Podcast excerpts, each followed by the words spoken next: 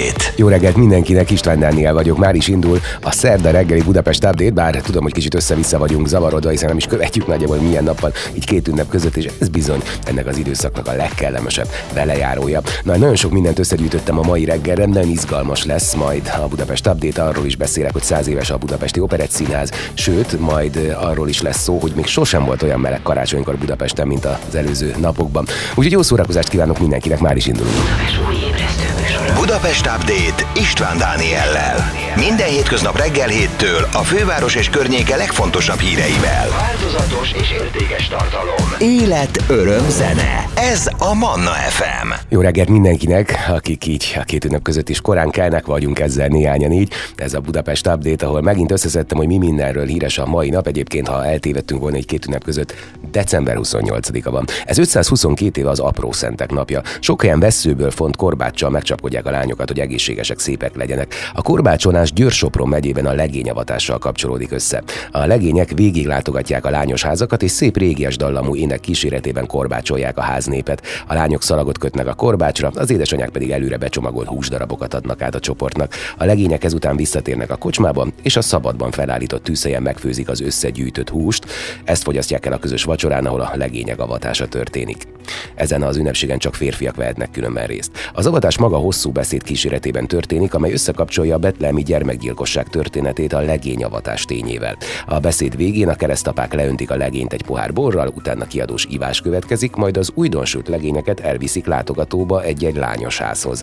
A kislányok és az édesanyák elnéző mosolya segítik át a kótyagos legényeket a nehéz vizitem, és ezzel be is zárul életüknek ez ünnepélyes fordulója. 119 éve született Neumann János, matematikus a számítógép kifejlesztője, matematikai tehetsége ellenére bankárapja kívánságára vegyészmérnöknek tanult Zürichben, miközben Berlinben és Pesten matematikát, fizikát és filozófiát hallgatott. A zsidó származású bár nemes egy címet szerzett családból való Neumann a 30-as években emigrált az Egyesült Államokba. Princetonban a mérnök továbbképző intézetben matematika professzor lett, majd részt vett az amerikai atombomba elkészítésében, amely rengeteg számítást igényelt. Egy évvel később már Pennsylvániában igazgatott egy hadászati számítógép projektet, amelyet másodpercenként ezer művelet sebességűre terveztek. Neumann ezután haláláig együtt dolgozott ottani kollégájával Hermann Goldstein matematikussal. Többek között megalapították az IIS vagy Neumann gépet, amely sokkal gyorsabban számolt bármelyik korabeli számítógépnél. Felépítése pedig nagyjából megegyezett a mai modern számítógépekével, így joggal tartják ezt a mai gépek ősének. Az elektronikus számítógépek logikai tervezésében alapvető gondolatait a kettes számrendszer alkalmazása, memória, programtárolás, utasítási rendszer Neumann elvekként emlegetjük. A mai napig ezt használják a számítógépeink. Neumann élete végéig halálos betegen is dolgozott. 1957-ben tüdőrákban halt meg. A Financial Times 2000-ben a 20. század emberének nevezte őt. 77 éve született Korcsmáros Péter opera énekes tenor a fővárosban. Pályafutását a Zeneművészeti Főiskola elvégzése után 71-ben Kecskeméten kezdte operett bombivánként a Leánymásár és a Cigány szerelem tenor szerepeit énekelte el. 1972-től a Debreceni Csokonai Színház tagja volt, ahol a végzett hatalmában is szerepelt például. 400 éve hunyt el Szarézi Szent Ferenc, francia püspök teológus, az írók és újságírók védőszentje. Arisztokrata családban született, de lemondott nemesi rangjáról megalapította a vizitációs nővérek rendjét. 1877-ben 9. Pius pápa emelte az egyház tanítók sorába. Ma az előző napokhoz képest gomoly felhős, napos idő várható, csapadék nélkül és 6 fokos csúccsal. Ahogy haladunk a hétvége felett, egyre melegebb lesz. Az új év napján a fővárosban 12 fok körül alakul a csúcsérték majd. SMS számunk működik egész reggel, ez a 077 ide várom például az információkat, tehát egyelőre csendes a reggel. Amit lehet tudni az M3-as metró helyett, január 1-én vasárnap üzemzárásig minden nap a Kálvin tér és a Göncárpád városközpont között közlekedik a pótlóbusz, a metró Újpest központ és a Göncárpád városközpont, illetve a Kálvin tér és Kőbánya Kispest között jár, de a Nagyvárad téren nem áll meg. M30-as állomáspótló autóbusszal utazhatunk a Népliget és a Nagyvárad tér között. Ez a térség a belváros, illetve a keleti pályaudvar felül a 2M és a 24-es villamossal, a Szemmelweis klinikák felől pedig gyalog vagy bubival közelíthető meg. Január 2-án reggelig Budapest közterületein díjmentesen lehet parkolni, ez alól kivételt jelentenek az őrzött parkolóhelyek, valamint a várban lévő, a Florian üzletközpontnál és a Margit sziget északi részén található parkoló, továbbá a Rákóczi tér alatti még garázs. Jó utat kívánok ezek ellenére is. Sok minden lesz a mai reggelen, például nem sokára arról beszélek majd, hogy száz éves lett a Budapesti Operett Színház, hogy ez mivel járt, az kiderül. Aztán két izgalmas könyv is megjelent Budapestről, illetőleg majd beszélünk arról is, hogy Budapesten lesz jövőre a Mesterek kupája. Úgyhogy mindez a Budapest update hamarosan. A legfrissebb hírek Budapestről és környékéről. Ez a Manna FM Budapest Update. Jó reggelt mindenkinek! Megint csak körbenéztem, hogy mi minden lesz, vagy történt az elmúlt napokban Budapesten és környékén. Hát például 100 éves a Budapesti Operett Színház, ugye 1922. december 23-án lett a Somosi Orfeumból színház, majd ebből alakult meg a rákövetkező év február 9-én az Operett Színház. A centenáriumot Fényes Szabolcs szobrának avatásával ünnepelte a közösség. Kisbi Attila főigazgató az ünnepi szoboravatáson kiemelte a centenárium jegyében az idei évadban az ünnepez méltó eseményekkel készülnek. Elmondta, hogy több mint tíz éven keresztül a könnyűzene egyik legnépszerűbb hazai művelője Fényes Szabolcs nagyszerű muzsikus állt az élen a legnagyobb viharok közepén 1943-tól 49-ig, majd a forradalom leverése után sötét időszakban 57-től 60-ig. Fényes Szabolcs előbb tulajdonosként és igazgatóként, később kinevezett igazgatóként vezette a teátrumot nagy sikerrel. Fényes mindössze 19 éves volt, amikor bemutatták Maja című operettjét. Pályafutása alatt több mint 45 színpadi művet alkotott, operetteket, daljátékokat, zenés játékokat és műzikeleket. Száznál több filmzene fűződik a nevéhez, valamint tánczalok és népszerű slágerek is.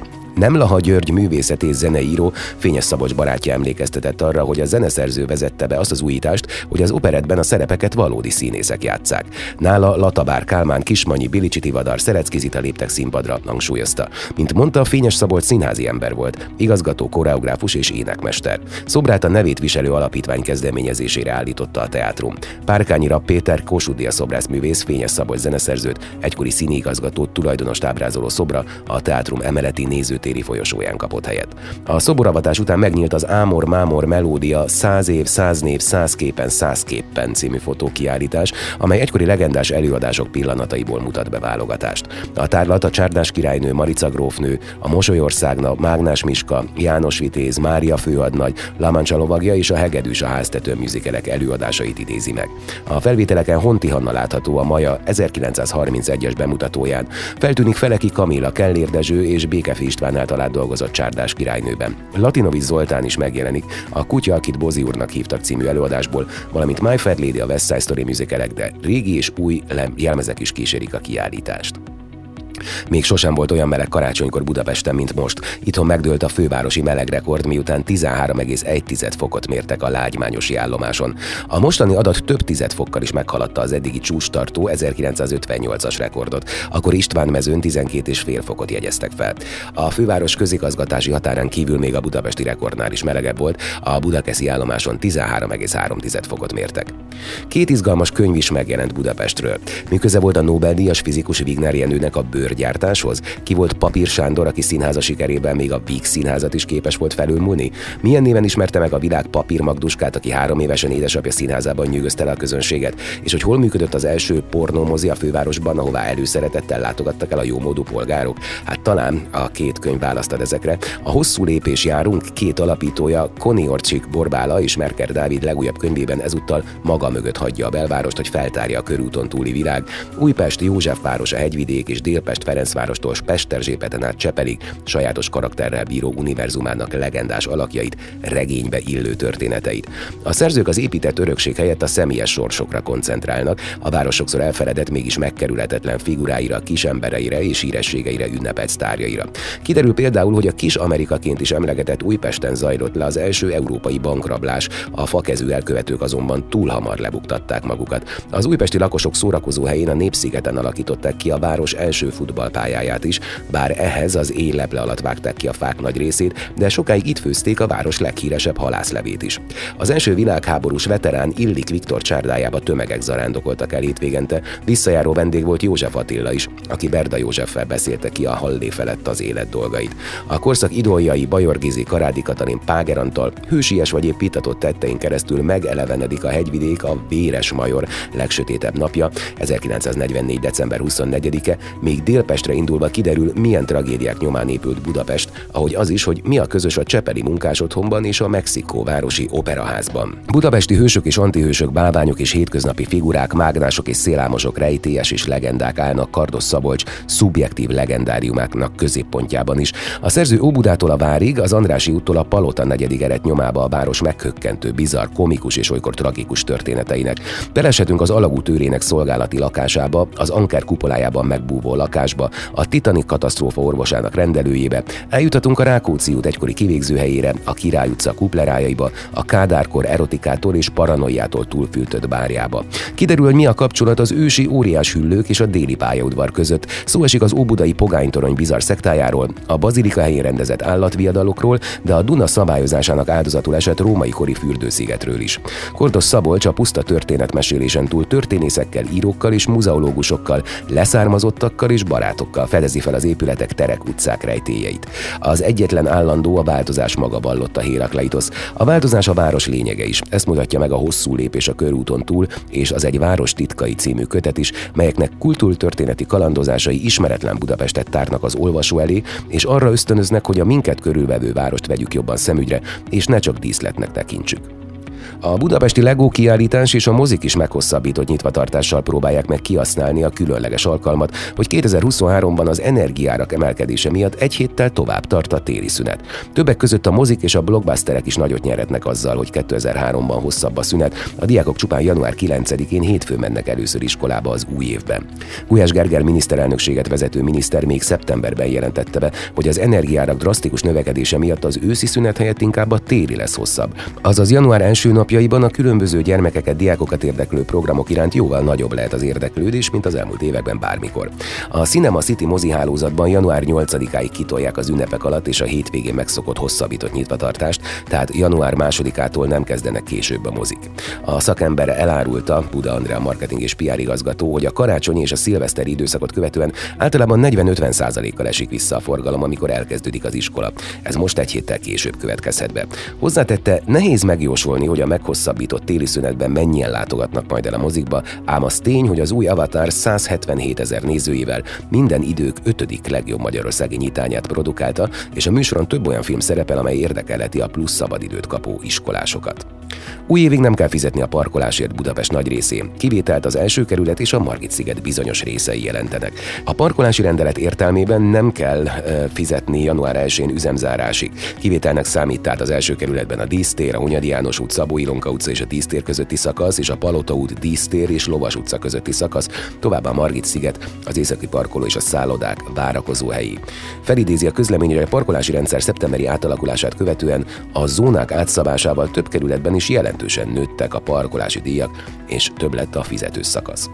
Budapesten lesz jövőre a Mesterek kupája. A Judo Info szaklap tájékoztatása szerint Tóth László, az Európai és Magyar Judo Szövetség elnöke bejelentette, jövőre augusztus 4-től 6-ig Magyarországon rendezik a sportág második legrangosabb versenyét, az IGF World Judo Masters, amely az egyik legfontosabb esemény a Párizsi olimpia szempontjából.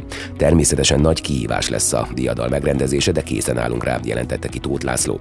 Óriási tapasztalatokkal rendelkező rendező csapat vagyunk, átgondoltuk, mi hiányzik még a gyűjteményünkből, az ifjúságitól a veterán világbajnokságig mindent megrendeztünk, egyedül a Masters hiányzik. Felvetődött a lehetőség, hogy 2023-ban vagy 24-ben ezt is vendégül lássuk Magyarországon. Most az IGF úgy döntött, hogy erre már jövőre sor kerül. Az idei 300 ezer dollár özdíjazású mesterek kupáját kettő csütörtökig Jeruzsálemben rendezték, a hatfős magyar csapat az 52 kg-os pupréka révén egy bronzélmet nyert. A sportág gála versenyét 2010-ben hívták életre, azóta 2014-ben visszalépés miatt, 2020-ban pedig a koronavírus járvány következtében maradt el. Kezdetben minden súlycsoportban a legjobb 16 kapott meghívást, 2019 óta viszont már a kategóriák legjobb 36 sportolója szerepelhet. A Budapest update nem sokára majd megidézik, hogy a régmúltban a fővárosban és környékén hogyan ünnepelték a karácsonyt, illetve a szilvesztert. Mindjárt mindez itt a 98 pontat Manna fm. Ez a Manna FM Budapest Update. A Mélyen Szántó blog szerzője a múlt emlékeiben kutatva idézte fel néhány éve a karácsonykor nyüzsgő Budapestet. A gyerekek annyiban könnyítették meg a szülők döntését annó ajándékvásárlás ügyben Budapesten, hogy leveleket írtak a Jézuskának a kívánságlistáikkal. Ők természetesen főként a játékvilágból várták a meglepetéseket, és erre a régi Budapest Budapest is teljesen berendezkedett, mivel az újkori karácsonyesték legfőbb attrakciója volt a gyermekek csomagbontogatása és öröme. Játékokat a legtöbb áruházban lehetett kapni, és speciális játékboltok is voltak. A legnagyobb és legnépszerűbb volt közülük Késmárki és Illés Árkád játékáruháza a Dohány és a Síp utcában, az akkor még különleges szecessziós bérház teljes földszintjén és első emeletén. Itt a játékok fajtái szerint voltak az osztályok elkülönítve, ahol a babáktól és babaháztól a kerekes kocsikon és taricskákon át a hintalovakig és plüss állatokig minden elképzelhető játék előfordult. Egyik karácsonyi reklámjukon a játéközönt kitörő és elapadhatlan vulkánként ábrázolták. Közben természetesen felmerült, hogy mi legyen a gyerekkel a vásárlás ideje alatt, hiszen egyrészt titokban kellett maradni az ajándéknak, másrészt a mama egyébként is nyugodtan akart vásárolni sürgetés nélkül. A gyermekeket tehát elküldték valamely rokonnal vagy a babysitterrel egy számukra kellemes helyre. Ilyen téri szórakozást kínált a fővárosi állatkárt leleményes vezetősége, ahol korcsolyapálya, szánkódomb, jéglövölde és több más szórakoztató elfoglaltság várta a lurkókat. December 15-től még igazi lapcsalád is várta őket, simogatható rénszarvasokkal. A karácsonyfa beszerzése után nagyobb fejtörést és utánajárást igényeltek az ajándékok, melyek az emberek többségénél vagy luxuscikkekből álltak, amit egyébként nem vett volna meg a rokonuk, vagy olyan dolgokat ajándékoztak, amelyre egyébként is vágyott az illető, csak nem engedhette meg magának. A múlt század elejei belváros bővelkedett a kitűnő üzletekben és elegáns áruházakban. A fővárosi kereskedelmi élet igazán nagy robbanása volt a Holzer divatház megnyitása a Kossuth Lajos utca 9-ben. Ez volt az első olyan teljes kínálatú üzlet, melyet Párizsi mintára építettek és működtettek Budapesten. Holzer Simon ügyes szabómesterként kezdte és hamarosan kiváló kereskedővé érett. A kiegyezés után már üzletei voltak a Kígyó utcában, és fiával Sándorral 1896-ban megnyitotta az előbb említett áruházat.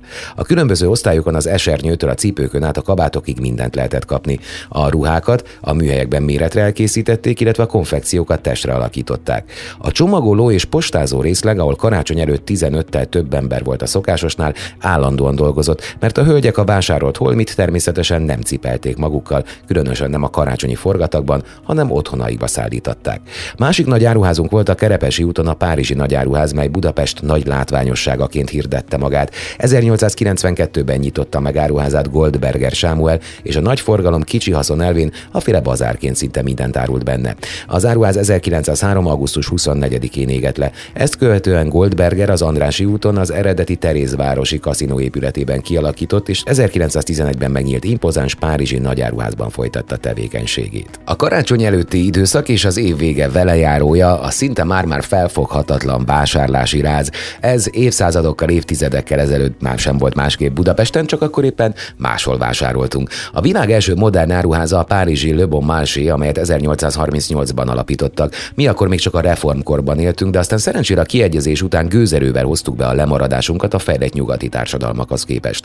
Eleinte passzázsokban kialakított bazárokban vásároltak az emberek. Ide sorolhatjuk a Haris bazárt vagy a mai Párizsi udvart, amelyet most fejlesztők varázsoltak újjá. Az első modern hazai áruház a Párizsi nagyáruház volt, amely az Andrási úton épült 1882-ben, mint a Terézvárosi kaszinó székhelye. Első átalakítását már 1909-ben elkezdték, miután Goldberger Sámuel megvásárolta az épületet, hogy francia mintára akkor legmodernebb áruházát alakítsa ki.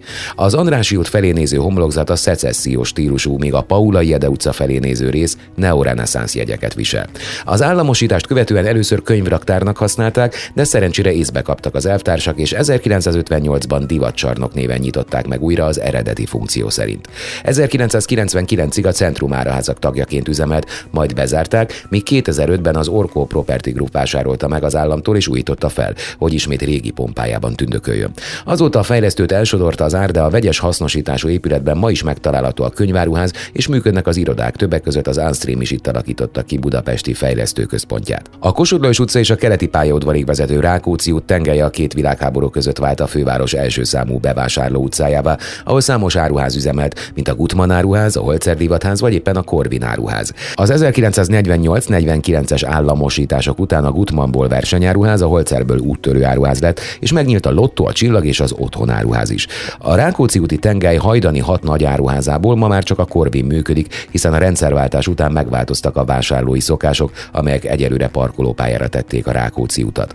Az otthonáruház a Rákóczi út 74 szám alatt működött, most pedig arra sem emlékszünk, hogy valaha létezett, pedig a Domus előtt Budapest number van lakberendezési áruháza volt. A Rákóczi út és a Klauzár utca sarkán üzemelt a Lotto áruház, amely korábban a minőség állami áruház nevet viselte. Eredetileg díszes épület volt homlokzati szobrokkal és egy saroktoronnyal. Majd a 30-as években a Hangya Szövetkezet vásárolta meg, később a második világháborúban és 56-ban is találatok érték.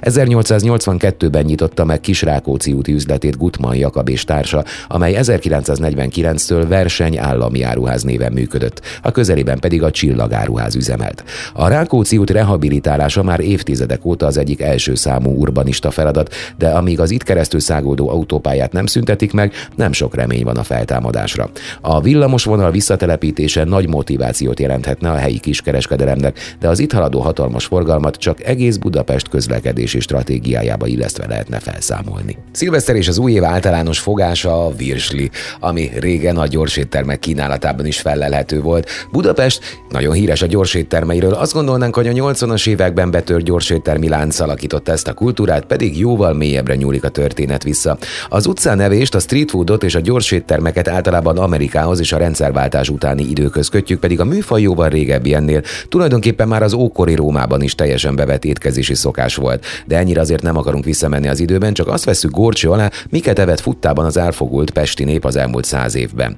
A századfordulós étkezési szokásokról elsőre egy polgári család ugrik be a legtöbbünknek, a cserit felszolgál, a nevelőnő a gyerekek hóna alatt igazgatja a könyveket, a szülők feketéznek a háromfogásos ebéd után. Esetleg egy bohém kávéházi jelenet hajnalozó írókkal, rengeteg fekete kávéval, reggeli rendelt korhelylevesekkel és illatos pékárút kínáló kenyeres fiúkkal.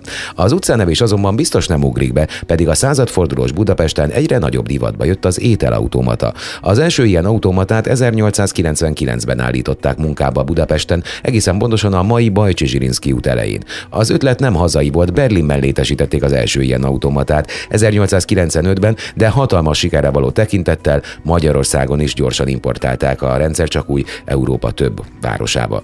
Akkor a siker lett, hogy nem sokára a Kerepesi úton is nyitott egy egységet. Az első üzlet később áttelepült az Erzsébet körút 44-46-os szám alá, pont abba a házba, ahová Jóka is akkoriban költözött be ifjú feleségével, Grósz Bellával.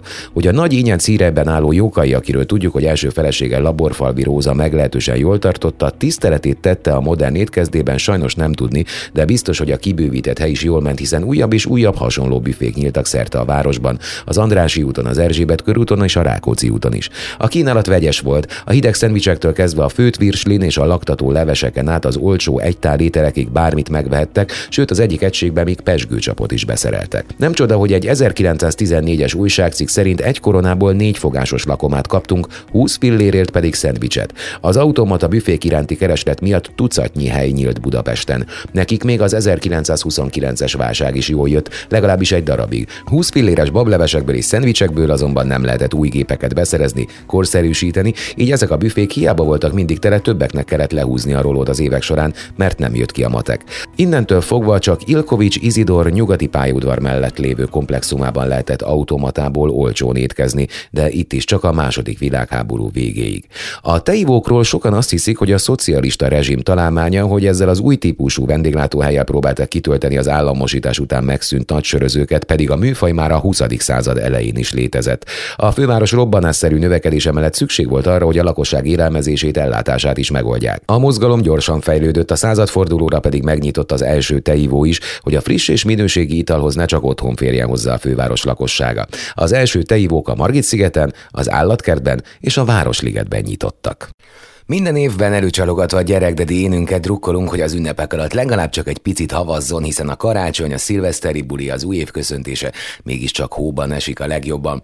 1987. január 10-ét a mai napig legendás napként emlegetik, hiszen hosszú évek, sőt évtizedek óta nem volt olyan, hogy az egész országot fogságba ejtő és katasztrófa helyzetet okozó havazás megbénítsa Budapestet. A Heves Szilviar kíséretében érkező sűrű hóesés akkor az utólag ironikusan csak nagy 87-es kádárista havazásnak nevezett extrém időjárás napokra megbénította az egész ország életét.